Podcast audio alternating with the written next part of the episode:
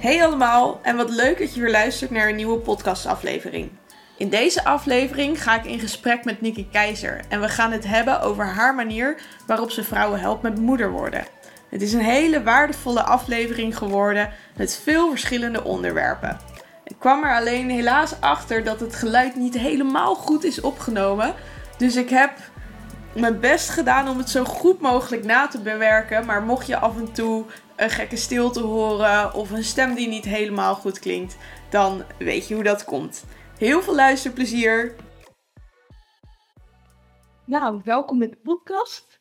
En eh, leuk dat je er bent. Zou je in het kort kunnen vertellen wie je bent en wat je doet? Ja, mijn naam is uh, Nikki Keizer en ik werk uh, als dieptepsycholoog in Amsterdam-Oost. Begeleid vrouwen in het veranderingsproces van vrouw en moeder. Ik ben zelf moeder van een zoon van 3,5 en een dochter 6. We wonen bijna in Wees als gezin, met mijn man uh, erbij. Ja, dat. En toen zit het kort. Ja, mooi. Ja. En uh, is dat iets wat je altijd al hebt willen doen? Of ben je daar op een andere manier op gekomen? Ben je daar misschien gaandeweg op gekomen om dit te doen? Wil je daar wat meer over kunnen vertellen? Ja, dat kan. Mijn moeder die, uh, was, uh, die had altijd een winkel aan huis. Ik woon in een klein stadje. En, en eerst dacht ik, uh, ik ga mode doen en ik ga ook een, later een winkel misschien van haar overnemen. Ik stond op het punt om naar Antwerpen te verhuizen en toen ik weet in een gebied dat ik dit wil vertellen. Toen uh, had ik mee aan het televisieprogramma. En ik ga niet vertellen welk televisieprogramma. ik ben nu wel een. Ja, dat dacht ik. Ah, dan krijg je af. Was het Anders gaat iedereen het opzoeken. Misschien is het nog te vinden. Dan lig je helemaal uh, dubbel. Uh, en ik deed mee aan het televisieprogramma. En daarbij kwam ik er eigenlijk achter hoe, hoe gemakkelijk het me afging om in een gezin mee te draaien. En uh, ja, eigenlijk van een grote waarde te zijn voor de kinderen in dat gezin. Zonder dat daar echt iets anders voor deed dan gewoon mezelf zijn. En toen dacht ik, misschien is het wel heel zonde om, mode, om verder te gaan in de mode. Ik had op dat moment een mbo-opleiding in de mode gedaan. En ik dacht, dat is eigenlijk misschien wel heel zonde. Dus toen ben ik uh, van richting veranderd. Ben ik toch gebleven. Naar België verhuisd. maar heb ik de opleiding pedagogiek gedaan. En toen dacht ik, nou, als ik dat heb afgerond, dan weet ik het allemaal. Dan, ben je er en dan uh, valt alles op zijn plek. En toen ging ik werken in de verslavingszorg en in de psychiatrie. En toen dacht ik, uh, ik werk echt met mensen die, die het volgens mij nog steeds allemaal niet helemaal snappen. En die nog steeds op een bepaalde manier niet echt in verbinding zijn met de mensen waarmee ze werken en met zichzelf. En klopt het maar klopt gewoon niet. En toen dacht ik, dit is wel echt een hele erg teleurstelling. Dat uh, ik vier jaar op school ben geweest en dat ik dacht, nou nu, nu ben ik er. Ja. En dat bleek niet zo te zijn. Niet, hoe herkenbaar. dat vind ik toch echt, uh, dat vond ik toch echt pittig. Toen heb ik een jaar na de gewerkt. Ik stond helemaal strak van de spanning. Ik kreeg weinig in adem. Ik deed alles op, uh, op mijn mannelijke kracht, op de adrenaline. En ondertussen ging ik zoeken naar, wat moet het dan wel zijn? Wat gaat mij dan wel datgene brengen waar ik naar op zoek ben? Maar ik wist ook niet precies waar ik dan naar op zoek was. Um, en toen mijn oude buren hadden een opleiding in Nijmegen, uh, die toen de tijd het Jongejarense Instituut heette. Ik wist helemaal niet dat ze die opleiding hadden. Zij woonden al tien jaar tegenover mij.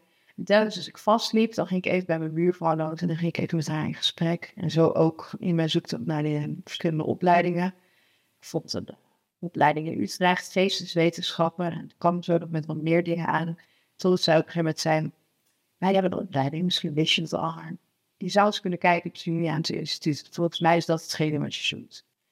toen ben ik daar uh, op een dag in de zomer naar de open dag geweest. En toen heb ik daar met mijn open mond zitten luisteren naar uh, het verhaal dat ze vertelde. En toen dacht ik, holy fuck, er is een gedachtegoed, er zijn boeken over geschreven, er is een wetenschap. Er is een therapielijn. Uh, er, is dus, er is dus gewoon taal voor datgene wat ik altijd heb gevoeld, waar ik zelfs geen woorden voor had. En ik ben dus ook niet alleen. Er zijn dus meer mensen die op dezelfde manier naar de wereld kijken, uh, op dezelfde manier voelen als ik. En dat is eigenlijk mijn uh, begin, ja, mijn startpunt eigenlijk geweest. Ik heb daar zes jaar de opleiding gedaan.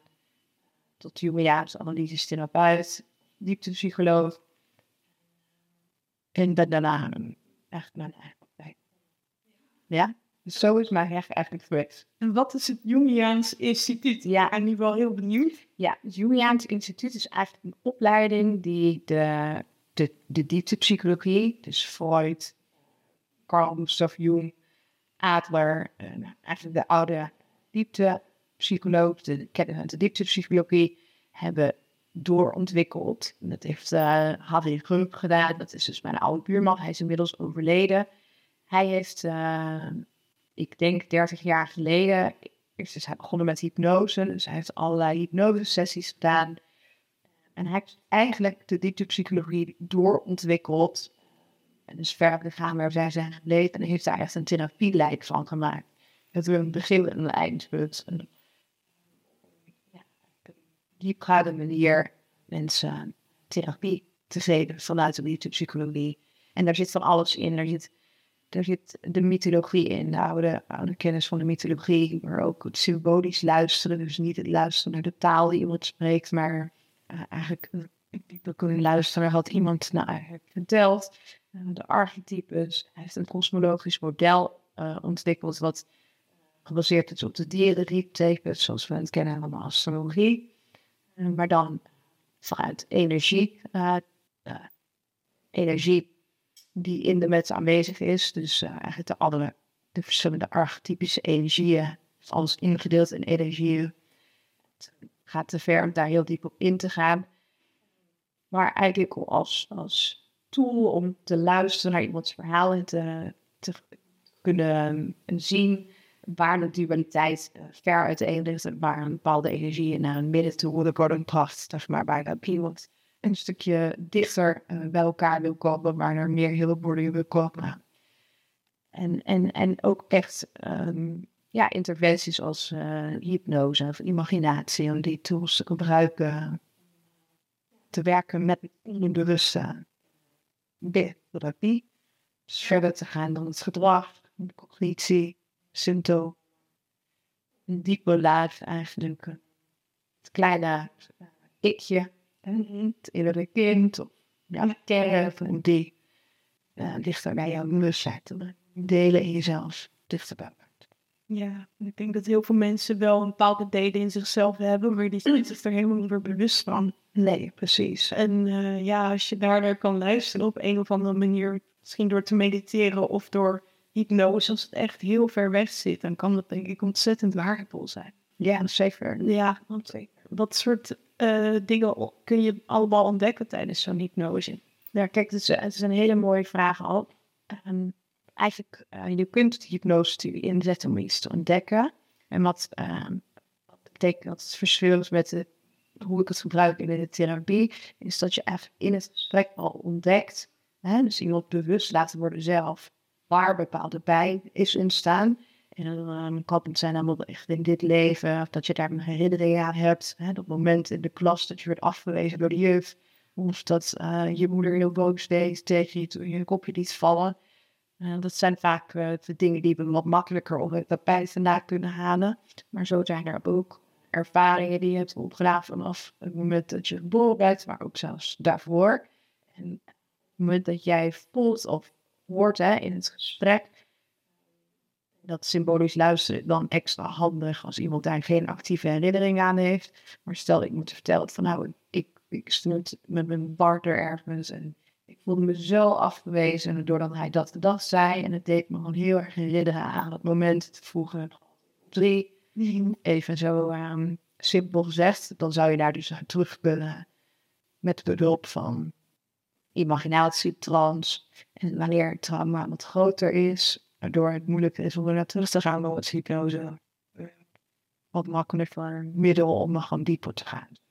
Ja, ga je dus eigenlijk heel gericht naar de vriend toe, zo, psychologisch gezegd, om uh, iets her te beleven, maar ook om iets anders te doen dan toen eigenlijk het kunnen doen. Dus dat is uh, de manier waarop het daarmee werkt. Ja. Zodat er eigenlijk echt kracht wordt aangeboord, ja, die uh, toen eigenlijk die toen niet hebt kunnen ervaren daar waar het overlevingsmechanisme eigenlijk optreden. Ja, ja, dus je gaat eigenlijk terug naar dat traumatische moment. Ja.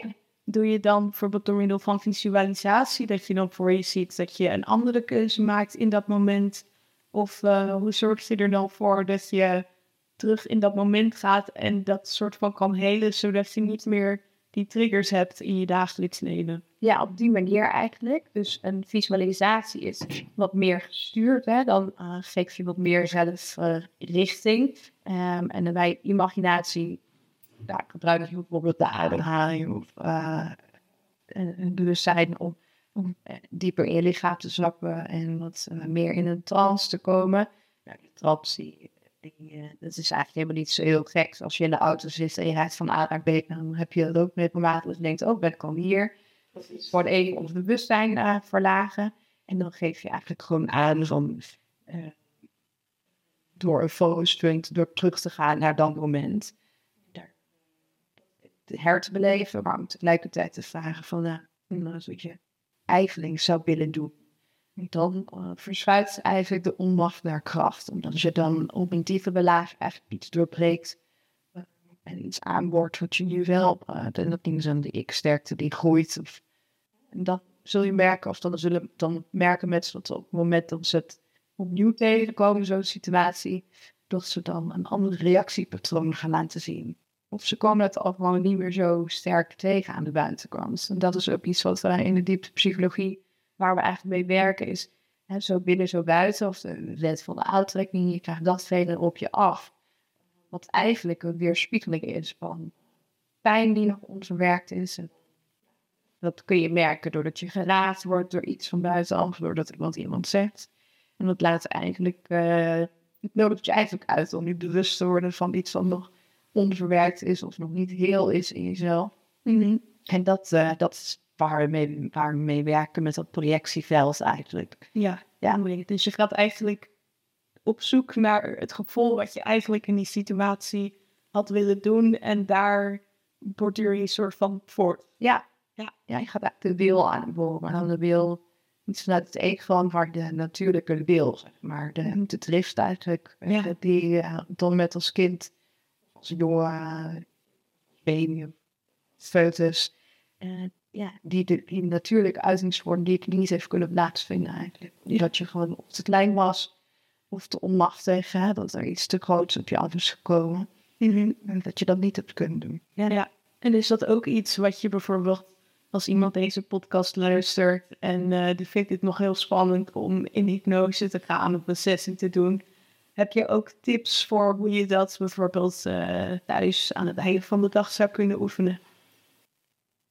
Ja, het moeilijke is van, uh, van onze psyche is dat het ons altijd zo beschermt tegen pijn. En dat ook de neiging heeft om dan bijvoorbeeld dus met onze beschermingsmechanismen, dat is dan weer iets anders dan onze overleving. Want onze overleving is aangeboren en um, neemt het, auto, neemt het zeg maar, automatisch over op het moment dat je iets heftigs op buiten, van buitenaf op je afkrijgt. Mm. Onze beschermingsmechanismen zijn daarbovenop. Is bijvoorbeeld dat jij uh, je partner de leiding hebt om die wat mooier te maken, om op een voetstuk te zetten, omdat je eigenlijk niet kan zien als voor vervelende kant die heeft. Um, dat je dingen bagatelliseert relativeert. Terwijl eigenlijk, uh, terwijl je eigenlijk van binnen pijn doet. Um, en dus daar zelf naar die pijn toe gaan, is best wel moeilijk. En natuurlijk, wat helpt, uh, is dingen op, door te schrijven bijvoorbeeld. Dus op het moment dat je iets hebt uh, ervaren gedurende de dag, dat je daar moet over schrijft. En wat ook helpt, is op het moment dat je geraakt wordt, om je te visualiseren dat daar dus een klein jongetje of klein meisje uh, in jou is, die dat voelt. En dat jij dus eigenlijk uh, die geraaktheid een beetje, dat je jezelf eigenlijk een beetje in twee, ja, in twee delen, um, twee delen van jezelf maakt, waarbij je de volwassene naast het kleine deel zet en doet wat dat dan nodig is naar dat kleine, kleine deel toe. Mm -hmm. Dan val je wat minder samen even met de geraaktheid. En kun je eigenlijk als volwassene, kun je in ieder geval al onderscheid maken tussen het kleine en het grote, of het kleine en het autonome, of het onmacht en autonome. En dat autonome dus ook iets te doen he- heeft. Dat je dus iets van bewegingsvrijheid krijgt eigenlijk in, ja, in, een, in een bepaalde mogelijkheid of eh, zorg dragen als volwassene voor jezelf. Ja, precies. Ja, Ja, en het klinkt ook alsof je toch een soort van afstand neemt van die emotie. En niet afstand als in, ja, ik wil niet dat het er is, maar dat je het echt ziet als een, als een ander persoon. Ook al ben jij het wel en jij hebt kleine ikje. En dat je die persoon dan kan troosten en met alle wijsheid en kennis die je nu hebt. En op die, op die manier jezelf ook weer kan helen. Doet dat zo? ja. ja. ik denk ehm, ja, dat het begint. Kijk, de eerste stap is natuurlijk dat je je bewust wordt van het feit dat, dat er een klein deel in jou zit. En dat, eh, en dat je jij dat niet helemaal bent. Dus dat is een deel van jou. Maar je bent intussen ook een volwassene. Daar, begint het eigenlijk mee. Dat je gaat voelen wat dat kleine deel of dat kleine kind, of wat eigenlijk heeft ervaren vroeger. Dat je daar zicht op gaat krijgen. En dat kan door veel meer te duiken in je geschiedenis. Door de, ja, de omstandigheden waarin je geboren bent. Dat is natuurlijk wat met werk met vrouwen vaak uh, mismaakt. En ze zelf moeder worden. De cyclische beweging die herhaalde dingen, dus patronen herhalen zich. Door, daar, ze in, door daarin te duiken. Als je echt hebt over, over traumawerk, over hè, het hele van eh, die stukken, dan is dat wel moeilijk om dat zelf te doen. Dan komt daar heel vaak toch een laagje overheen, wat je er zelf net niet heel bij kan. Ja, Dus dat is ook wel goed om te realiseren, omdat er ook vrouwen zijn, bijvoorbeeld die, die, die hier komen en die zeggen, ja, daar ben ik al zo lang mee bezig. Ja, daar heb ik al zoveel werk op gedaan. En dan lukt het me dus nog steeds niet als ik geraakt word om iets anders te doen. En dan zeg ik, ja, dat is heel logisch, want je hebt niet die laag kunnen raken en niet met iemand die op die laag kan werken. Dus als je dat heel gedragsmatig eh, uit je mind aanvliegt, dan is dat onderbewust zo vaak is gewoon nog steeds veel sterker. ja, Dus eh, dat is wel, die vind ik altijd wel side note, zeg maar. Dat die aan, je, aan jezelf ligt of dat, ja, dat je dat niet helemaal zelf beheeld kijkt, zeg maar. nee, precies. Ja, Helemaal wat je zegt, als er vrouwen komen waar bepaalde patronen al generaties lang in de familie zit, precies. ja, dan wordt het heel lastig lijkt me om dat in je eentje eventjes zo te gaan zitten. Ja, Precies. Dus je kunt zeker die verbinding al heel erg op gang brengen. ja, En ehm, die bewustwording en die connectie met jezelf, daar kan je al heel veel in doen. En, eh, en ergens zit er natuurlijk een grens aan, aan de aan mogelijkheden. Ja. ja, precies. Ja. Sowieso de eerste stap bewust worden is al een hele goede en ervoor openstaan dat je een verandering moet maken. Zeker. En eh, ja, als dat in je eentje niet lukt, dan kan het inderdaad beter zijn om dat met hulp van anderen te doen. Ja, precies. Ja, we hoeven dit al alleen te doen. Nee, dat is een hele goede. Ja, zeker. Ja. ja. Ja, En, eh, zou jij een voorbeeld kunnen nemen van dat soort patronen waar vrouwen vaak mee, eh, ja, mee struggelen, waarmee ze naar jou toe komen? ja. Ga ik heel eventjes eh, kijken wat er... eh, Nou wat ik vaak zie zijn vrouwen die bijvoorbeeld een traumatische bevalling hebben gehad. En eh, weer opnieuw een kindje eh, willen krijgen. Voelen dat dat in de weg zit, bijvoorbeeld. En vaak zit die traumatische bevalling ook vast aan de eigen geboorte. Dus dan zie je dat een stukje zich heeft herhaald wat al speelde bij de eigen geboorte. Ook de relatie met, ehm, met moeder is een heel belangrijk thema. Dus vrouwen die een moeizame relatie hebben met moeder of zeg maar moeder zijn gaan redden, zorg gaan dragen, zijn gaan dragen voor moeder, omdat moeder of psychische problemen had, weinig ik sterkte.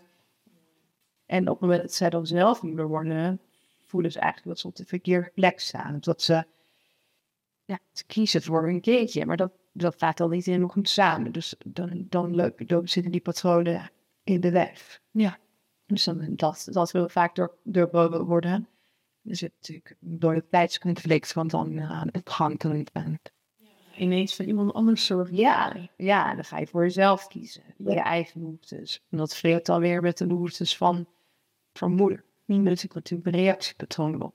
Ja.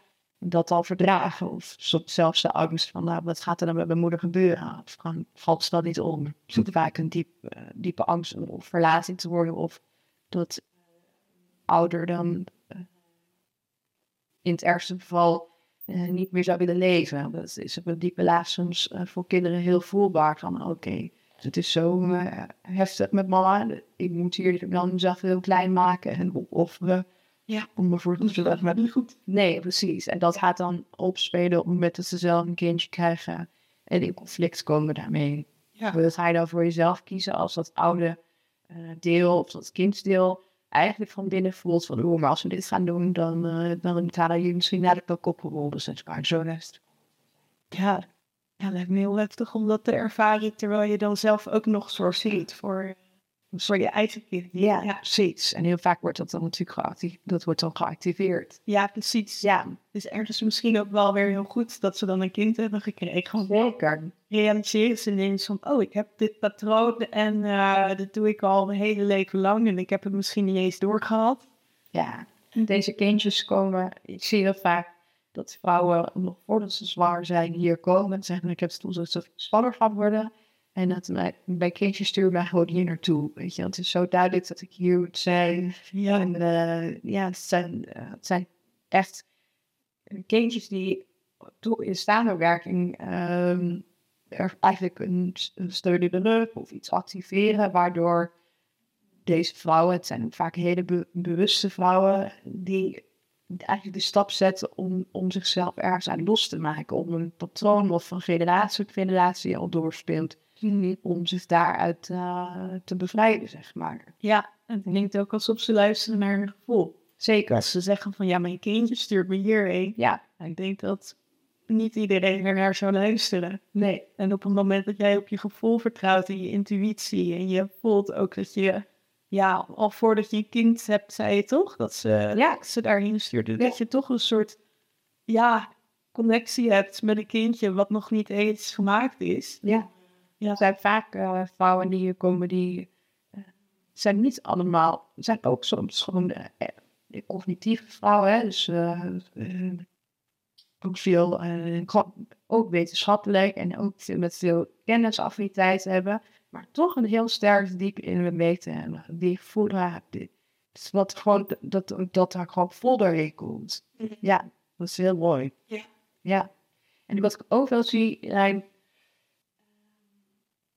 vrouwen die zelf uh, depressieve klachten ontwikkelen, of in de zwangerschap of daarna. Um, en misschien nog, nog ja, of vrouwen die moeite hebben met zichzelf, echt een plek zelf in te nemen. Dus een kindje krijgen wat heel fel is en vurig en uh, een sterke eigen beeld heeft. En eigenlijk laten zien, uh, waar ben jij nou eigenlijk? Mm. Laten zien dat, dat, ze, dat uh, de moeder eigenlijk er niet helemaal is. Ja, moet je tegen gas gaan geven als moeder. Precies, dan ja. moet je natuurlijk positie innemen. Dan moet je ook zelf uh, er zijn. Ja. Vaak zitten daar dan natuurlijk ook wel uh, trauma's of uh, onverwerkte ervaringen aan vast. Die, die maken dat ze er niet helemaal zijn. Mm. Um, ja, ook wel seksueel misbruik. Wat, maar dat is een thema wat sowieso door veel vrouwenlijnen heen loopt. Of in het eigen leven, maar ook in het leven van, van moeder ook waar het is. Ja, daar, daar komen dan uh, niet zwanger kunnen worden. En uh, een uitersvormen zijn. Ik had op allerlei manieren uiten. Hmm. Ja, en dus die dus vastlopen in de GGZ, omdat zij daar niet helemaal dus die diepe laag weten te pakken. Omdat het toch meer benaderd wordt vanuit van buitenaf waar ik het meer benader van, van binnenuit en uh, de generatielijnen meedeem. Ja. En dat zij dus daarin dus eigenlijk zoekende zei ik van, hé, hey, nou heb ik dus al zoveel gedaan, mm-hmm. maar ik kom dus net dat niet tot kern. En daar wordt van alles bewust gemaakt, maar het wordt niet helemaal opgeruimd. Precies, en dan gaat je over belasting eigenlijk van die, van die psyche, want het komt wel omhoog. Maar het wordt niet verwerkt. Ja. Op die laag. Bewuste. Ja, want bij de GTZ kijken we waarschijnlijk naar die lichamelijke factoren van oh, waarom kan je zwanger worden en wat is er dan precies met je baarmoeder aan de hand en met de rest van je lichaam en misschien bloedtesten. Maar ja, dat is weer een hele andere dimensie waarnaar gekeken wordt dan waar jij mee bezig bent. me. Ja, zes. En heb je dan de vrouwen die naar je toe komen die niet zwanger kunnen worden en dan eh, daarna wel zwanger worden? Ja. Mooi. Ja, dat is fantastisch. Ja. Dat, is wel, eh, dat zijn wel de mooiste dingen. Ja, heel bijzonder. Ja, dat is heel bijzonder. Ik weet dat een van de eerste keren dat het, eh, het was een van de eerste trajecten die ik deed. Ja, en zij had meerdere miskramen gehad en zat in een eh, fertiliteitstraject. Ja, en wat er gebeurde was dat we in een, in een diepgaande sessie, en, waarbij zij echt met haar lichaam contact maakte en van, ja, voel maar hoe het, hoe het daar is bij je eierstokken. En dat heel duidelijk in eierstok ging tintelen en kloppen. En ze zei, er zit, er zit een blokkade op mijn linker eierstok. Het is ook mooi dat dat onderbewuste dan de ruimte krijgt en te spreken als je natuurlijk in die trance zit. Dat gaat dan wat, wat makkelijker, dan zit dat hoofd er eh, minder tussen. Ja. En, ehm, en dat ik haar vroeg van, ja, als je helemaal met die linker eierstok contact maakt, eh, dat, dat, ga je dan uitvragen. En ik vroeg, nou kijk, kijk dus bij welke leeftijd je dan terecht komt als het gaat over de situatie waar we eigenlijk moeten zijn, waar, waar het zijn oorsprong vindt. Eerste instantie was dat een ongeluk wat ze had gehad, waarbij ze haar linkerkant eh, bijna verlamd was, of in ieder geval eh, daar tegenaan was gereden. En, dan en mijn gevoel was dat er nog iets voor zat. Dat ging over haar vader die haar verlaten had op jonge leeftijd. Die wel weg was gegaan bij het gezin. Herhaalde zich eigenlijk in die verliesgeboorte. Stelkens het verliezen van, eh, ja, van iets wat aan wilde zich er zitten. Bij. En na het ja, verwerken van eh, dit stuk met haar vader, waarbij die emotie de, de ruimte kreeg, maar ze ook besefte van nou, in dat moment heb ik ik ook gedacht dat mijn vader misschien wel dood was toen je kan opdagen. Hoe gemixt al die gevoelens zou zitten, Ja, en hoe diep dat ook zit. hoe diep dat zit. Ja, want eh, die vader is uiteindelijk weer teruggekomen. Of Ja, en die is gewoon weggegaan bij het gezin, dus die is Ja. aan. dus hij leefde nog wel. Ja, ja, Maar eh, ergens in haar gevoel geloofde zij toch dat hij dood was. Ja. En eh, ja, ja, en dat is heel traumatisch op dat moment natuurlijk voor haar geweest. En dat Ja. zat dan zat nog steeds vast. Ja. En op dat moment, eh, ja, daar, daar, dat is eigenlijk twee sessies geweest, dat we daar echt de verwerking op hebben gedaan. Maar ook dat zij de kans kreeg als klein meisje om te doen wat ze eigenlijk had willen doen. En dat gaat dan eerst over het doorvoelen en die angst in beweging brengen, maar daarna ook over een stuk boos zijn. Van ja, hoe kan je me nou gewoon hier zo laten staan met Ja. offers? Ja, En dan wat ben je nou voor lul dat je dat doet eigenlijk, hè? ja, en waarschijnlijk heeft ze toen helemaal niet de kans gekregen om best die gevoelens uit te spreken. Misschien was ze wel bang van ja, als ik dat tegen mijn vader zeg, komt hij helemaal niet meer terug. Nee, en als kind heb je, heb je gewoon te maken met een stuk onvermogen. En ook, eh, je bent gewoon te klein om dat te doen. Je bent niet opgewassen tegen een volwassen iemand. Die zit, dus eh, zeker onze generatie. Ik zie nu kinderen die wat meer van zich laten horen. Maar Ja, er zat gewoon een, nou ja, dat, dat, dat, gebeurt bijna al niet. ja, een soort machteloosheid. Ja. Ja, maar. Niets eh, in te brengen. Nee, Het is zoals het is. het is zoals het is. En ja, door dat de vrijheid te geven en eh, die woede daaruit te laten en daar dus beweging in te brengen. Het duurde niet lang, want ze was uh, daarna zwanger. Ja, bijzonder. En dat dat ook gewoon in twee sessies. eh, Ja, en in totaliteit is dat ehm, natuurlijk iets langer, maar niet. Ja, ja, en dan zie je ook dat, dat alles gaat creëren. Dat ze een promotie krijgt op haar werk. En dat, dat gewoon het hele veld gaat creëren. Dus als ze van buitenaf op zich afkrijgt, dat verandert allemaal. Precies. Zo bijzonder. Ik kan me voorstellen dat het feit dat ze zwanger wordt, het is een van de dingen die dan open gaan, zeg maar. Maar waarschijnlijk zal, eh, zal er nog wel meer veranderen. Zeker. Ja, Ja, het zijn hele mooie dingen. ja. Mooi. En eh, je had het ook al even over luisteren gehad hiervoor. Ehm, ik weet niet meer precies wat Symbolisch luisteren. symbolisch luisteren. Ja, ik ben heel benieuwd wat dat is. Kan je daar meer over vertellen? Ja, dat kan ik. Nou, het eigenlijk, je zou het kunnen, je zou het kunnen vergelijken met eh, bijvoorbeeld als je een droom hebt. Hè, dat is ook een van de onderdelen die ik soms meenemen in mijn werk. Is dat een droom, eigenlijk wil daar wil zeggen, die kun je uitpakken. Dus de, de woorden of de droom kun je niet letterlijk nemen, maar als je associeert het de woorden eh, van de droom, dan komt daar boodschap aan. Dus die eh, iets zegt of over huidige staat van zijn. Kan ook over de toekomst gaan. Het, is gewoon, het geeft eigenlijk een zielsproces weer. En symbolisch luisteren gaat eigenlijk over niet letterlijk de woorden nemen, maar om de diepere laag te verstaan. Dus als iemand binnenkomt en die zegt, ja, ik reed het te snel bij. Oh, wat ik nou heb meegemaakt?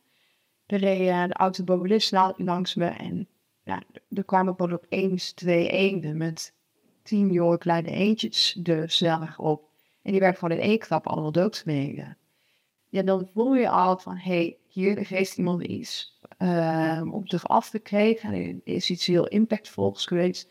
Wat niet gaat over de twee eenden en die tien jonge eendjes, maar wat, wat gaat over iets anders. Wat gaat het over iets wat de dood is gegaan, wat zorg is. En dan ga ik gewoon, eigenlijk, dan ga ook diezelfde associatietechniek gebruiken als bij dromen, door te vragen van, nou, waar staat één voor?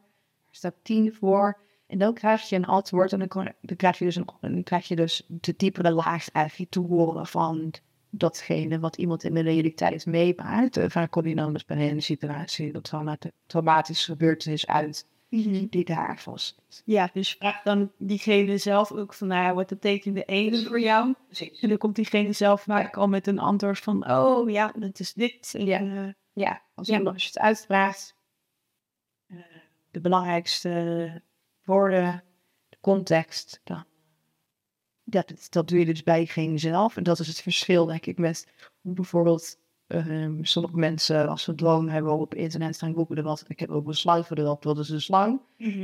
Ehm, het gaat over, wat is een slang voor jou? Het gaat dus jou. Ja, dus je hebt niet alle kennis die Google heeft en eh, het woordenboek die kan vertalen wat één in een droom betekent, maar je luistert en je vraagt door en diegene die komt zelf dan eigenlijk met het antwoord. Precies. En dat is gewoon hetzelfde door terug te geven. En dan, je- dan, dan geef je aan de woorden terug. En dan ontstaat er een ander verhaal, een ander narratief. En dan voel je dat dat bij iemand landt in het onderbewuste. En zegt, oh jeetje, ik weet waar dit mee te En het is veel interessanter. Dus inderdaad, als je namelijk de slang op internet bij wijze van spreken eh, op die manier benadert, dan heb je het over de symboliek in het collectief. Zoals we zoals de mensheid eigenlijk de slang eh, ziet, of zoals de slang een betekenis heeft eh, voor, het grotere, voor de grotere groep. Het is natuurlijk veel interessanter wat die slang nou ja, wat die voor relatie heeft met jouw eigen persoonlijke leven. En dat is denk ik het belangrijke, of ja, dat is denk ik de manier waarop ik de therapie vooral gebruik. En eh, is natuurlijk dat persoonlijke naar boven moeten halen en de persoonlijke pijn te meer persoonlijke pijn je opruimt, hoe meer je dus ook onderdeel van een collectief kunt worden. Ja. Ja. Ja, want ik kan me voorstellen dat een slang misschien een betekenis heeft die stamt uit eh oude Griekse tijd. En dat jij daar als persoon helemaal geen connectie mee voelt. En dat die slang voor jou een hele andere betekenis misschien heeft van toen jij vroeger in het dierentuin was. en je was bang voor de slangen of zo. Precies. Ja. ja, precies. En wij zeggen van nou, dan word je dus eigenlijk, in, en dan word je echt een persoon. Dus dan eh, ga je dus via het persoonlijke en de dingen die je opruimt vanuit het persoonlijke, kom je steeds vrijer. Hè? Dan- En dan kom je veel meer ehm, in connectie met het grotere heel, geheel te staan, in plaats van dat je het persoonlijke eigenlijk overslaat. Ja. En dan wordt het, ja, dan wordt het meer een, als persoonlijk zou je kunnen zeggen, ongeveer een, dan los je eigenlijk al op in het geheel voordat je eh, zelf een, echt een individu bent geworden. Heb je een plek in de wereld hebt ingenomen. Ja, precies. Ja, en ik kan me ook voorstellen dat het misschien niet helemaal resoneert. Als je gaat kijken naar het grote geheel en wat de betekenissen zijn, zou ik denken van ja, maar die persoonlijke laag die zit daar nog voor. Dus dan moet je eerst doorheen. Je moet je soort van oplossen voordat je echt uh, precies. ja, naar die hogere laag kan. Precies, ja. En ik denk dat in sommige spirituele stromingen er wordt gezegd hè, dat ego moeten we afleggen en dat moeten we loslaten. En terwijl in de eerste fase van ons leven het juist zo belangrijk is om het ego in lijn te krijgen met onze essentie. Want het is juist een heel erg belangrijke tool een plek in de wereld echt te kunnen innemen en ergens voor te mhm. kunnen gaan staan. Ja, ja. Ja, dat ego, dat is er gewoon. Precies. Ja. Kunnen we niet, uh, wat mij betreft, niet zomaar uh, ja, afleggen. Zo meer. En uh, hoe zou jij het ego kunnen uitleggen? Ja, dat is zo, dat is een goede Heb je even, nee. Het ego is, mij betreft, kijk, ego is, je kunt het op veel manieren uitleggen. Je kunt het uitleggen als het, dat die stem in je hoofd, hè, of het overlevingsmechanisme, dat de saboteur. En eigenlijk, maar op het moment dat, zoals ik er naar kijk, het moment dat jij het ego kunt gebruiken als tonic voor jouw innerlijke kern eigenlijk, dan is het een manier om jezelf, het grootste zelf in jou, om dat naar buiten toe te vertalen. Dus het is eigenlijk een brug tussen de binnen- en de buitenwereld. Alleen wat er natuurlijk gebeurt op het moment dat je opgroeit, dan komen er eerst allerlei laagjes over jouw kern heen. Die bescherming van die pijn, zeg maar. Mhm. Dus dat is dat ego. Dat, dan kan het zijn dat iemand bijvoorbeeld meer opblaast naar buiten toe. Het zich groter maakt en dat hij zich eigenlijk van binnen voelt. Of zich juist kleiner neerzet naar buiten toe, omdat hij te bang is om te lage frequentie te gaan staan. Dus dan krijg je een soort vals ego of echt deel. Dat is het, dat is het een ja, stuk uh, overleving eigenlijk. Maar op het moment dat jij steeds meer pijn eigenlijk kan verwerken, maar die hebben die dus niet zo hard te werken, dan is dat ego juist natuurlijk een heel belangrijk tool ook om dat zelf van binnen, om dat ook in de wereld te zetten. Dus in het begin, als iemand, als iemand, hè, iemand uh, gaat dus aan de slag met, dat, met de beschadiging en de pijn van dat innerlijke meisje, die uh, vroeger gepest is, of afgewezen, verwaarloosd, dan op het moment dat je steeds sterker wordt van binnen, en dan bedoel ik echt sterk, dus je gaat kracht opbouwen, je gaat dus voor zorg kunnen dragen voor de geraaktheid, dan, dan heb je het nodig om bijvoorbeeld in die beginfase als iemand onaardig tegen je doet, je kan zeggen, hé, maar dat vind ik niet leuk. Ik wil niet dat jij zo tegen me praat. Dus dan is dat ego eigenlijk een hele goede functie. Heeft het een hele goede functie om jouzelf te begrenzen naar buiten toe. Ja, zeker. En in iedere fase van je leven, ja, heeft dat dus een, doet het, ja, op een andere manier in zijn dienst, uh, zeg maar. Mm, ja. ja, wat ik zeg, ik denk inderdaad aan het doel van jezelf spiritueel ontwikkelen en je ego loslaten. Dus meer is dat helemaal niks je mag raken en dat je maar overal oké mee moet zijn. Absoluut. Um, en ik weet niet wat voor, jij gebruikte ook uh, net een woord voor het ego dat ik ook dacht van, ja, als je het zo ziet, dan is het inderdaad heel negatief. Ik weet even niet meer. Overlevingsmechanismes. Uh, ik weet het even niet meer. Maar ja, maar ik vind het mooi wat je zegt van, ja, het ego, dat hoort er gewoon bij. En dat is een soort van stem in jou die jou op je pad wil brengen. En dat kan inderdaad vertroebeld zijn door het verleden. En het doel is gewoon om dat weer helder te maken ben. Om al die pijn aan te pakken. Om weer helder op jouw pad te gaan lopen. Ja, zeker. Ja, mooi. Ja. Ja, en dan kan je natuurlijk... Dan kan het, is het zo'n waardevolle functie. Mm. Om dingen te bereiken. Ja, voor gaan staan. Dan werken we ook samen met ons ego. In plaats van dingen de weg te stoppen. Of er zeker. Ja, en meer, wat zie ik ook, meer je... Um, steviger je staat in jezelf legt dat het best uit. Je ziet ook wel eens dat iemand helemaal is overgenomen door het ego. En dat, dat, dat is, lijkt alsof je met een soort karikatuur te maken hebt. Uh, ik kan me nog herinneren dat ik uh, de eerste, het eerste jaar van de opleiding met iemand in de klas zat. En zij was helemaal geïdentificeerd met assenpoester. Ze, ze schreef ook onder haar. Ja. Dus het leek een beetje psychotisch. Ja, ja, het is wel een heel extreem voor. ja. Dan kan je dus zien dat iemand als... Ja, is. ja, precies. En als je dus dan... Wij kijken eh, binnen de eh, dieptepsychologie... hebben we het graag over het mannelijke en het vrouwelijke in de wens. Hè, dus we bestaan als, eh, als mensen allemaal uit een mannelijk en een vrouwelijk. En dat is los van het geslacht. En hoe beter je deze twee delen, het mannelijk en het vrouwelijk, met elkaar samenwerken. Het heilig huwelijk. Hoe beter ze dat doen, eh, hoe, hoe meer jij een individu en een heel mens bent in de wereld. En wat bij haar heel erg sterk speelde, was dat eigenlijk haar mannelijke dus gewoon bijna niet, die, die was er, die was er bijna niet. Het vrouwelijk was zo groot en zij was zo grenzeloos eigenlijk voelend, maar weinig geaard, weinig stevigheid, weinig een individu. Eh, Dat, dat ego eigenlijk, soort ego-inflatie, daar was een, daar, was een hele energie die daar doorheen kwam, een soort archetypische eh, karikatuur. Maar jij zelf was daar niet, eh, niet echt weer. Ja. En dan, ja, dan zie je dat, dat, dat het ego een hele andere vorm natuurlijk heeft. Hmm, ja.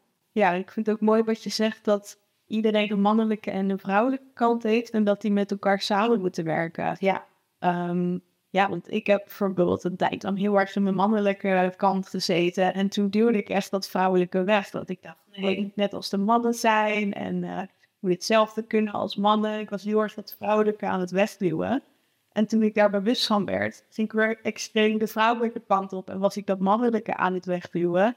Het is dus echt voor mij een soort reis geweest om die balans daar ook in te vinden. Om te zien van, ja, maar die mannelijke eigenschappen die ik heb, die mag ik omarmen. En die vrouwelijke eigenschappen en behoeften die ik heb, die mag ik ook omarmen. En het is gewoon allemaal onderdeel van mij. ja, zeker. Ja, en dat is een thema wat echt een collectief thema ook is er. Ja, dat, dat, dat het mannelijk gewoon eh, dominant is. En eh, het vrouwelijk gewoon wat meer onderdrukt. Ja, Zodat het in deze tijd gewoon een heel erg een uitnodiging is. Om dat vrouwelijk eh, te verbinden met het mannelijke. En dan het vrouwelijk juist binnen de grenzen van het mannelijk helemaal naar buiten krijgt om hij eh, te uiten. Ja, want eh, hoe zie je bijvoorbeeld in onze maatschappij terug dat het vrouwelijke onderdrukt wordt en het mannelijke dominant is?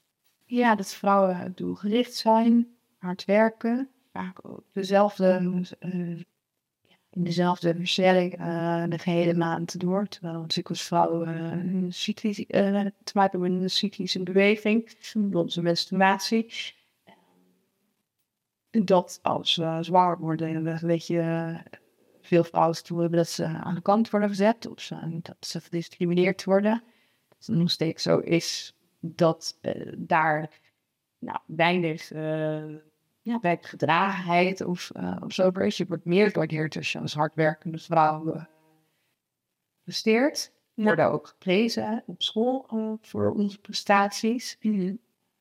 Luidakken of gewoon niets doen, daar zit vaak een oordeel op. Ja, wordt afgestraft. Precies, terwijl dat zeker voor vrouwen echt ook heel belangrijk is om een deel van onze cyclus gewoon te zijn. Ik gaf gisteren de pret aan, uh, aan tien vrouwen. En dat ging dus over het vrouw zijn, het omarmen daarvan, daarmee verbinden.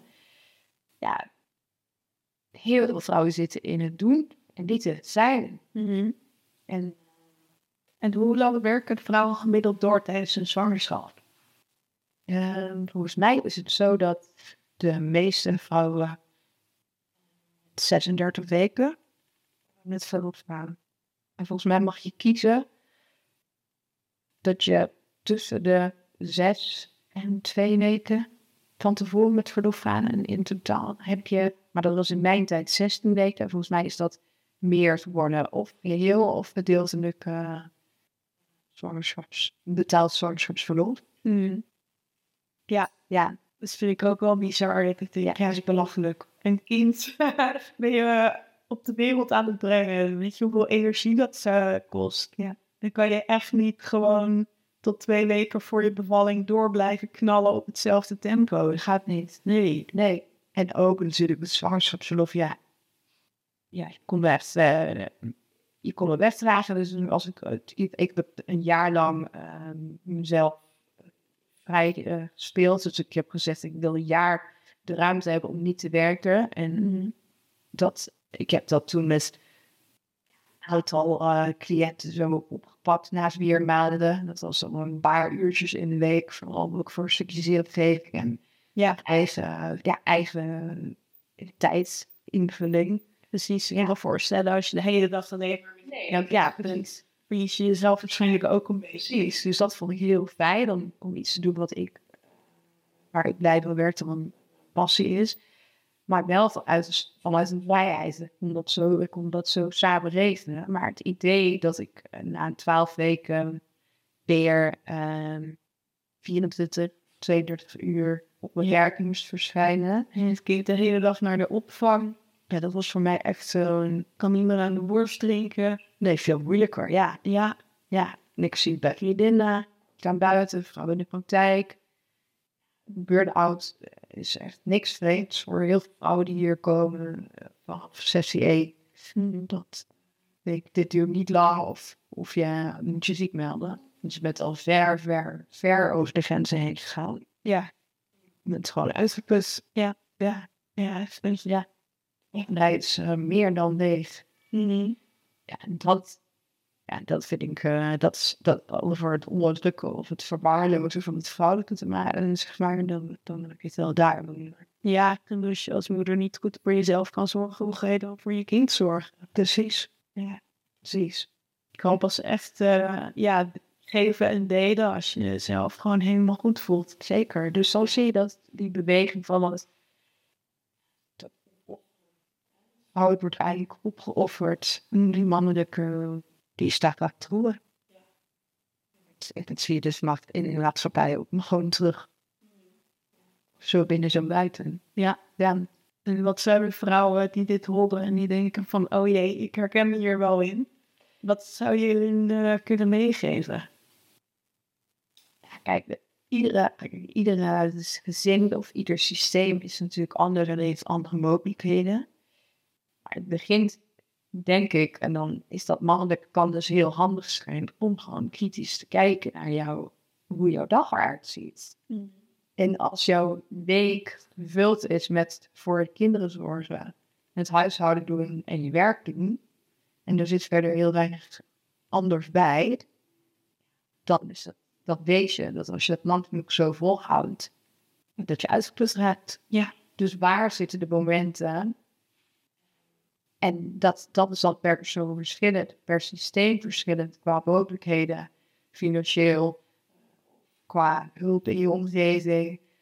Maar waar zitten de mogelijkheden om tijd vrij te maken voor jouzelf? Ja, en dat is om die tijd ook echt maken. Want ik denk dat heel veel mensen dat een soort van achteraan de rij zetten, die, die maken geen tijd voor zichzelf. Die laten hun hele agenda volstromen en dan aan het einde van de week dan denk ik zo oh ja, was eigenlijk wel druk. had eigenlijk wel even een middagje voor mezelf gewild. Ja, dat het zo belangrijk is om die tijd ook echt te maken. Om gewoon een uurtje rust in te plannen. Of een dagje rust in te plannen. Of die vakantie in te plannen die je al maanden uitstelt. Ja, en dat, ja, dat, dat is iets, dat is dus die mannelijke kant in zijn kracht. Dat betekent dat je gaat zitten en dat je dat concreet gaat maken. Daar ja. mannelijk dan weer heel sterk in. Ja. En dat je dat, dat, je dat gaat kaderen. En dat heb je dus nodig om dat vrouwelijke helemaal de ruimte te geven om te ontspannen, om, om niets te doen. En het gaat er bij betreft ook over nee zeggen. Dus ga, ga kritisch kijken naar uh, je werk. Word je blij van of word je er niet blij van? En anders met stelsprong gaat baten zoeken waar je echt blij van wordt. Mm -hmm. um, maar niet ook haalbare, maar gewoon wat waar je blij van wordt. En dat betekent hè, dat je als je financieel kan inleveren, dat hoeft natuurlijk helemaal niet, maar als het eigenlijk nodig is en je kan het, ja, just go for it. En ja. trouw het proces is zoveel belangrijker dan het geld wat er uiteindelijk op de staat. Precies. Ja. En, uh, maar ga ook kritisch kijken naar je, naar je vrienden en je sociale contacten. En uh, word je, ga je met een, uh, weet je, met een glimlach van oor tot oor naar huis toe, voel je je vervuld, dan dan kunnen ze blijven, bij wijze van spreken. Maar heb je het gevoel dat, dat je eigenlijk leeg, uh, dat je daarna leeg bent en die je leeg voelt, ook al kan je er met je ratio, met je mannelijke kant, eigenlijk geen reden voor bedenken. Als jouw gevoel zegt, ik, ik word er eigenlijk niet, van de batterij laat hij niet van op. Stop ermee. Ja. En niet alles is logisch te verklaren. Precies. En ik denk dat dat het wel kan is. Dat mensen met hun eh, brein, met hun analytische brein begrijpen ze Ja. niet. Dus dan blijven ze er gewoon maar mee doorgaan. Terwijl het gevoel en eigenlijk de hele andere kant op stuurt. Precies. Ja. En dat gaat dus over, dat kun je dus op alle levensgebieden, voeding, eh, beweging, ontspanning, sociale contacten, werk, je partner. En eh, ga maar eens gewoon kritisch kijken, uit goed voelen. Is het ja of nee? En heel voorzichtig kan het bijna niet. Voel ik ja of voel ik nee? Ja. That's it. Er zijn niet heel veel meer kleuren. Jij kan wel zeggen, ik weet het niet. Tegen parkeer je even op naar de volgende. Op die manier toch eh, Ja, die weet leven wel leven. Dus denk ik ook, het is geen dikke vette ja. Dus als je bij je partner zit en je denkt elke keer, ja, ik weet het niet. En je gaat intappen op je gevoel. En je gevoel zegt ook van, nou ja, weet het niet echt. Ja, is dat een reden om eh, de rest van je leven bij iemand te blijven? Of, ze, of is er dan eh, ja, Ja. een leukere man voor jou die ergens rondloopt? Of misschien is één man, misschien ga je het gewoon veel liever met jezelf hebben. Dat kan ook. Precies, precies. Ja, ja en, en, en natuurlijk, eh, ik heb ook, ehm, ik heb ook wel, het klinkt nu makkelijk, en, en soms is het dat en soms is het dat niet. Maar als je al één beweging maakt, hè, als je die eerste stap zet, dan gaat er echt wel iets veranderen. Het is een soort van, ja, zo'n pad wat je opgaat. Ja. in ieder geval ja zeggen tegen iets anders. Want ik wil het anders dan het nu is. Ja. En dan kan je ook kijken, nou, wat, wat wil ik dan tussen mij en mijn partner? Of eh, tussen mij en mijn kind, of tussen mij en mijn moeder. En dan ga je die successen in ieder geval gewoon, ga je dat pad in ieder geval op. Precies. En dan ga je voelen, ja, dit wil ik niet. Ik wil s'avonds geen Netflix, maar ik wil gewoon s'avonds een gesprek voeren of ik wil gewoon alleen tijd doorbrengen. En ehm, als we de tijd samen doorbrengen, dan, dan, dan wil ik graag dat het er zo uitziet. Ja. Dat het in ieder geval kwalitatief fijne tijd is. Ja, precies. Ja, Ja, en ik denk ook dat het belangrijk is om te bedenken wat je wel wil. zeker. Dat je ook zegt van dat je dan kwalitatief tijd samen hebt. Ja, voor mij is dat geen Netflix. Vind ik echt, eh, als ik met iemand afspreek en we gaan Netflixen kijken, dan, ja, had ik ook een beetje op de bank kunnen doen. Precies, zonder grappige tijd. Maar wat dan wel inderdaad? Waar ben je met iemand? Wat voor gevoel wil je daarbij hebben? Ja. Wat verwacht je van iemand? Ja, wat voor gesprekken wil je hebben? Ja, ja, en als je dat helder voor je hebt, dan kan je dat ook als een soort maatstaf gebruiken wanneer je met een andere persoon bent. Zeker. Ik denk als je dat helder hebt voor jezelf, dat het natuurlijk ook een stuk makkelijker wordt om dus als je in die situatie bevindt, om dan ook daar iets van te zeggen of voor jezelf conclusies te trekken. Hé, hey, oh ja, dat heb ik met mezelf afgesproken, dat wil ik niet meer. Dus ja, en dan ga je het ineens heel sterk voelen. Ja, Ja, ja. Ja, mooi. Ja. En eh, ik wou eh, nog even over de schooltijd hebben, want dat eh, is natuurlijk hoe deze podcast heet. ja. Eh, want hoe was dat voor jou? Je basisschooltijd of je middelbare schooltijd? Heb je dat als positief ervaren? Heb je daar veel van geleerd en meegenomen? Ik heb mijn uh, basisschooltijd en middelbare schooltijd, ik heb eigenlijk al mijn schooltijd positief ervaren. En inhoudelijk niet per se. Als in, ik was niet bijvoorbeeld een kind wat heel erg van leren hield. Ik zou mezelf ook niet als, eh, zoals het schoolsysteem is bedacht en wat wordt aangeboden. Dat is niet, uh, zeg maar, voor mij, voor het kind als ik uh, gemaakt. Ja. Dus ik kan me nog herinneren dat ik tijdens de centimeter, diameter, millimeter, die lessen, dat ik dan heel erg anders me bevond. dus dat ik ergens in een ver land of ergens in de hemel, denk ik. Maar ik was in ieder geval niet wel aanwezig. En dat ik echt dacht, oh mijn god, dan ga ik dit op godsnaam uh, onthouden. Dat was in groep 6, dat weet ik nog.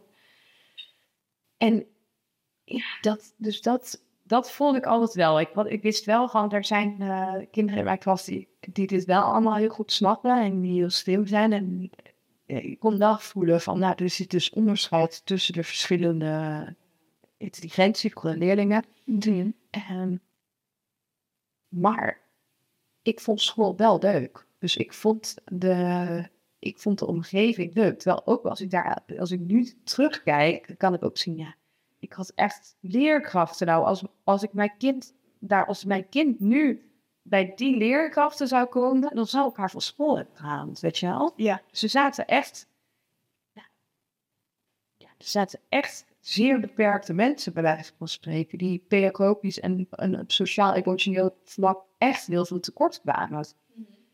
Op een of andere manier kon ik daar wel als kind doorheen kijken. En af en toe werd ik wel geraakt als er werd geroepen, ja, de, de Tim en de, waar, waar, waar alle kinderen zoals Tim en zoals Allen bij mij van spreken, ja, het werd zo lijken, het verlegd blijven. En ehm, dan kwam ik wel thuis en dan zei ik, ja, dat is toch niet normaal. En dat wordt ook gewoon gezegd in de klas. En, eh, of ik weet wel dat ik in de eerste klas terugging naar groep 8 om dan nog pot te laten zien. Helemaal trots. En dat eh, de leraar van groep 8, waar, waarvan ik, die had ik dan nog wel bezig met voetstuk staan, die zei gewoon, oh, maar dat rapport hebben we uiteindelijk ook per mail doorgestuurd hoor.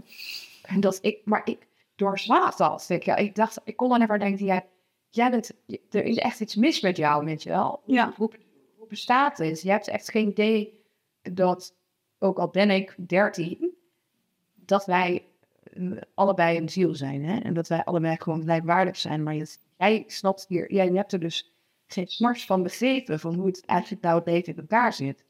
Dus ik denk doordat ik dat doorzag en doordat ik enorm genoot van de sociale context, dus wat het spel, eh, het sociale spel, echt al uh, dan leuk. Mhm. Spelen met elkaar, de dynamiek, eh, dat vond ik over het algemeen wel heel leuk. Ik kijk er wel goed terug. En dan zeg je, misschien zitten de kaarten, maar ook een, een leuk polsbreedje over heeft. Het zit het dan nu zo te kijken, want er waren natuurlijk ook genoeg momenten dat ik wat door de grond kon zakken. Op dat dus ik dacht, wat is het voor uitdaging, wat is het voor tuin, overal dat ik, dat ik het, eh, dat ik school leuk vond. Ja. Ja, En ook knap wat je zei, dat je die leraar gewoon doorzag en dat je niet op jezelf betrok van, oh ja, ik ben inderdaad niet zo goed als Anne en Tim. Maar dat je echt gewoon zag van, ja, sorry, maar als je dat soort dingen als leerkracht zegt, dan eh, ben je wel een beetje incapabel op sociaal niveau. Zeker. Maar ik kan me ook herinneren dat de CITO-score in groep 8 aan het publiek werd, ehm, werd verteld. En dat ik, eh, ik, ik de hele onder druk en de aandacht erbij houden. De halve tijd was ik er denk ik gewoon ergens anders, maar niet aanwezig in het moment. Ik weet toch dat die CITO-score kwam. nou, de- Dat, dat was wel afschuwelijk. Ja, Ja. En dat ik dacht, en ik had ik snapte ook niet zo goed wat het dan betekende. Dus dan dacht ik, ja, oké, ik begrijp van de mensen die de hoogste score hebben, dat die dan. Ik weet ook dat ik uiteindelijk wel op de MAVO haven terecht kwam. Terwijl ik dacht dat ik ergens een kaderbasis terecht zou komen, afhankelijk van de schietenscore. Dus ik kreeg context ook de halve tijd niet, niet helemaal mee. Ja, mijn ouders dus blijkbaar ook niet. Die waren daar ook niet zo heel erg mee bezig. Dat scheelde wel. Ik had ook van huis uit geen ouders die zich bezig hielden met of ik nou goed presteerde of niet. Dus ik had daar geen druk van. Die, die, die waren er niet mee bezig. ja, ik denk dat dat een hoop, ook een hoop scheelt. Dat je niet zoveel waarde legt aan al die scores en die cijfers. Nee. Wat de leraren nou zeggen, als je ouders gewoon achter je staan, denk ik dat dat in ieder geval een stuk minder uitmaakt. Zeker. Dus voor het grote deel was er ook vooral gewoon eh, plezier. Hoorde het voor mij gewoon bij het leven. Ja, Ja. en is er iets wat jij op school had willen leren, wat je eh, niet hebt geleerd? Wauw. Kijk, ik begrijp dus al dat je moet, wat het handig is als je leert rekenen, als je de basis leert en dat je ook leert schrijven en zo. Maar ik weet wel dat ik van heel veel dingen echt heb gedacht later van waarom hebben we dat bestaan geleerd? En had dit ook niet wat leuker kunnen maken? Ik weet dat ik de godsdienstlessen bijvoorbeeld een van de leukste lessen vond eh, die er waren. Dus eh, wat ik graag had willen leren, ja, is toch wel de dingen die ik nu, die ik nu veel meer ook in mijn werk. eh, ik had die, die basiskennis wel willen leren. Dat we allemaal met elkaar verbonden zijn. En dat als ik eh, ruzie heb met, eh, met Anne in de klas en Anne mij eh, iets deed, maar zegt dat mij verdriet, eh, eh, ja, verdrietig maakt, dat ik dan eigenlijk zicht trek op ja, dat, dat, er is iets in mij wat wordt geraakt. En dan komen we dus eigenlijk in elkaar een stukje tegen van onszelf. Hè? Dus we, we hebben hier allebei iets, iets te leren. Ja. Dus dat soort dingen.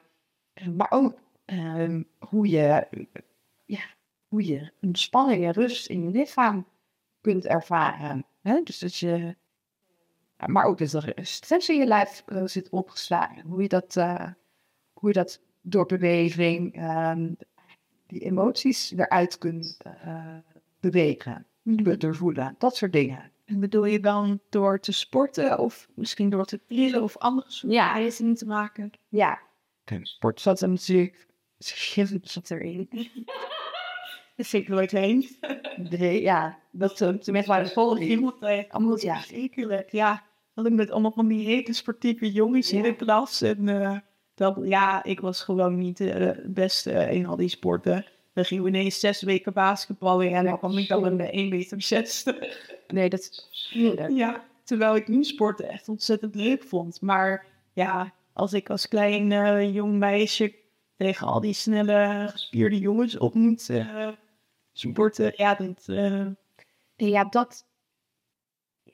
Dus daar zit al natuurlijk in dat je als docent als begeleider in staat moet kunnen zijn om veiligheid te bieden. En dus iemand te zien.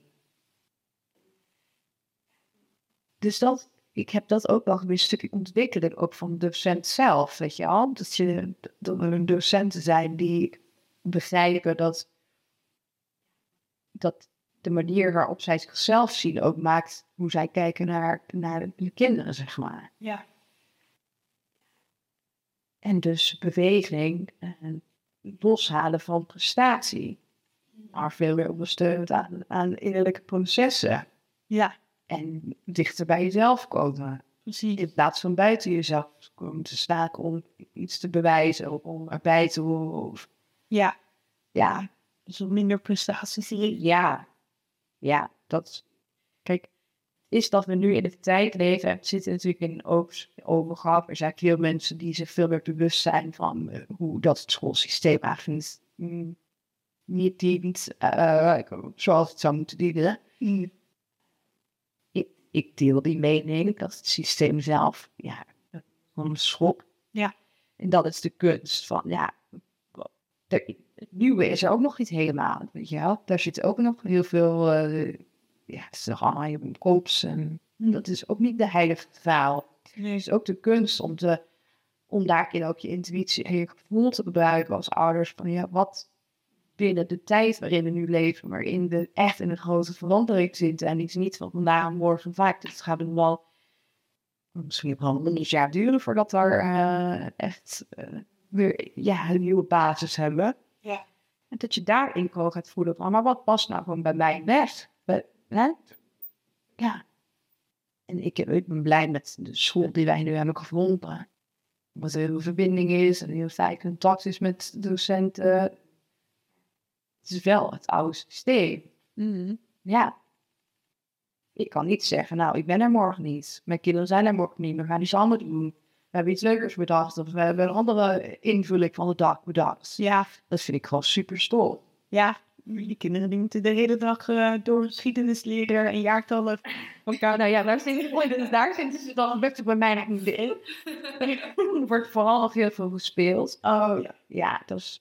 En dan is het eigenlijk ook wel gek dat je je kind niet een dag van school kan halen om bijvoorbeeld lekker ergens anders te gaan spelen. Precies. Wat maakt het nou uit waar ze spelen? Ik denk juist dat ze er heel veel van leren. om- En dat is het verschil tussen mijn school, de school die wij dan hebben en het systeem. Is dat zij, dat ik wel tegen hun kan zeggen van, hey, ik, eh, hè, we zitten nu in deze situatie met de verhuizing en we hebben het nodig om wat flexibeler met de tijd om te gaan. Dus het kan zijn dat ze er niet is. En dan krijg ik een super lieve mail terug. Ja. Jullie doen wat goed is voor jullie situatie en jullie kind. En dan weet je, dan weet je dus met wat voor soort ehm inhoud je te maken hebt eigenlijk binnen het systeem. Precies. Dat is denk ik gewoon heel belangrijk. De personen die daar zitten. Precies. Ja. Want dat maakt gewoon heel veel verschil. Maar er zijn ook natuurlijk scholen die dan sturen.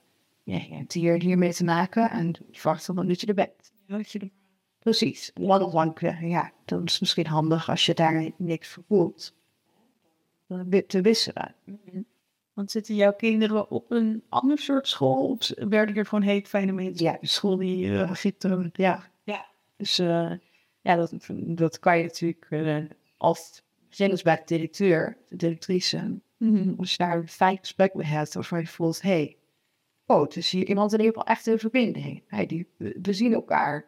Ja, Het voelt warm en, en liefdevol. En het gaat over dat, dat het belangrijk is dat het gaat met het kind. Dus het systeem of het onderwijs, of het proces, dat moet ja, ondersteunend zijn aan het proces van het kind. precies. Dan weten we dat, we, dat het over iets anders gaat dan over de buitenkant, zeg maar. Ja, dus ook al ben je het misschien niet helemaal eens met het systeem, ga gewoon kijken als je geen andere keuze hebt van ja, maar hoe kan ik binnen het systeem alsnog een fijne omgeving zo- zoeken door bijvoorbeeld de personen die er werken en eh, ja, ook goed wat je zegt van ik ging in gesprek met die directrice en dat is echt de belangrijkste eh, persoon denk ik wel op de school die, er, die daar. Ja, Die neemt de mensen aan. Nou, we willen zo buiten. Dus dan weet je al dat er, dat er natuurlijk, dat er in ieder geval voedend, dat het voedend is.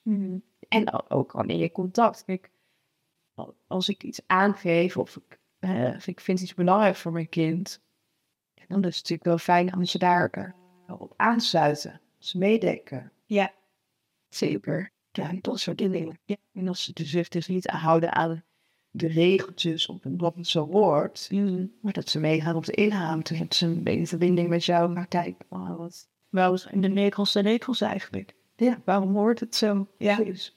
Ik weet nog dat ik dat heel vaak als antwoord kreeg op de middelbare school. Ik van, ja, waarom is dit zo? Ja, omdat het zo hoort. Dan krijg je er nooit echt een, Nee, een logisch antwoord op. ja. Het is gewoon fijn als je mensen hebt die dan ook bij zichzelf gaan kijken van, ja, waarom is dit eigenlijk zo? En zou het ook anders kunnen? En Precies. ja, ik ben die mensen ook gevonden hebt. Ja, en ik, ik merk ook, het helpt ook om de bereidheid te hebben om het morgen anders te gaan doen. En dat noem ik, dat noem ik wel eens ook van, je moet echt bereid zijn om te sterken. Dus dat is dan weer dan de, de, de, gekoppeld aan het ego, hè. Dat je, dat je toch ook soms de moed moet kunnen hebben om te zeggen, hé, hey, oké, als het dient, dan dient het. Zoals eh, de onderste of het onderbewuste of de ziel zijn weg gaat. Het kan wel zijn dat het toch op een gegeven moment iets anders wil. Precies. Zijn je dan bereid ook om het op te geven? En dan zeg ik, oké, dit dient dus niet meer. Het heeft gediend, maar nu niet meer. Ja. Ik stap er nu uit. Ja, dus eigenlijk heel kritisch naar jezelf blijven kijken. En ja, ook al heb je iets je hele leven lang doorgedaan en eh niet altijd zo gedaan, heeft je dan nog van de ene op de andere dag even kan kijken en misschien ziet van ja, maar ja, dit is, ja, misschien heb ik dit mijn le- hele leven lang zo gedaan en dat is misschien ook goed geweest of voor een bepaalde reden geweest, maar nu hoeft het ook niet meer. Je gaat Ja. het helemaal anders doen. Ja, of dus dat, dat het dus niet meer goed voelt, terwijl de ratio eigenlijk niet eens een reden kan vinden waarom het is. Maar dat je voelt dat het toch niet meer klopt. Ja. Vaak is dat wel een reden. Wat ik ook de andere kant die ik ook zie, zijn mensen die, net als ik, eh, hè, die, die eigenlijk het systeem stuk vinden, maar die dan vanuit principe kiezen voor dus iets anders, terwijl het niet per se overeenkomt met de binnenkant. Ja. Dus dat is nog steeds een soort, dan was het een soort idealistisch. Hè? Dus dan krijg je een soort vanuit een ideaal, van een principe, van... Dus dat, dat- dan heb je eigenlijk met dezelfde energie te maken. Alleen zit het aan de andere kant van het spectrum. Ja, Dus ik kan ook zien, het systeem stuk. Als ik nu mijn kind van school zou halen en zou kiezen voor iets anders, dan klopt het eigenlijk niet. nee, Ik het dan nog voor een echt. echte voor jezelf is het beste voor je kind. Nee, precies. Ja. Dus dan gaan we dus altijd weg, eerst naar binnen. Dan, dan klopt daar wel iets naar buiten toe uit. In plaats van, oké, ik zie dat dit niet klopt, of ik zie dat dit niet hoort. Of, maar dan ga je via buiten naar binnen. Maar hoe is het nou werkelijk? Kan het zijn dat, ook al zie je dat het niet klopt, het systeem, dat het wel de weg is van jou en je kind om op deze school te zitten? Of, nee, om dit op deze manier te doen? Ja, precies. Het zie ik ook niet natuurlijk ouderschap, onvoorwaardelijk ouderschap. Onvoorwaardelijk is natuurlijk maar natuurlijk helemaal afgestemd op, op je kind. Maar als jij een moeder bent die nog geen eigen grenzen heeft, die eigenlijk er zelf nog helemaal niet is, nog geen plek in de wereld heeft ingenomen, en je gaat naar buiten toe helemaal jezelf opofferen, omdat je gaat voelen bij die ander wat die nodig heeft. Of het nou je been of je peuter of je mat is. Dan, ja, dan, dan, dan komt het niet vanuit wat en echt het aan jezelf. Precies. Ja, is het mooi om die weg uh, via binnen te bewandelen. Hoe is het nou eigenlijk voor mij? Klopt het mij? Ja. Ja, en echt ook gevoel inderdaad. Niet vanuit angst of ratio of misschien een soort rebelsheid van oh, dat ja. klopt niet. Dus uh, de ideaal weer. Ja. Ja. ja. ja. En de buurvrouw doet. Ja, precies. Ja, ik denk ook dat alles wel een prijs heeft. Dus om binnen het systeem te blijven, dat heeft natuurlijk een prijs. Maar om je terug te trekken uit het systeem, dat heeft ook een prijs. Het is ook niet allemaal... Uh, dat bedoel ik te zeggen. Inderdaad, alles heeft een prijs. Ja. Er zitten altijd, er zitten altijd schaduwkanten op. Ook altijd, er zitten altijd kanten aan. Ook, ja, dus niet, niet uh, leuk zijn of... Uh, ja, ja. het is ook gewoon realistisch zijn. Mm ja. We gaan hem bijna afsluiten. Is er nog iets wat jij wilt delen als uh, allerlaatste, wat je misschien nog niet hebt gezegd? Of een mooie quote? Mooi toevoegen vind ik toch wel. Dat ik denk als het heel goed is voor kinderen, als ze dus inderdaad veel meer bewustzijn krijgen over, zich, over zichzelf en hun.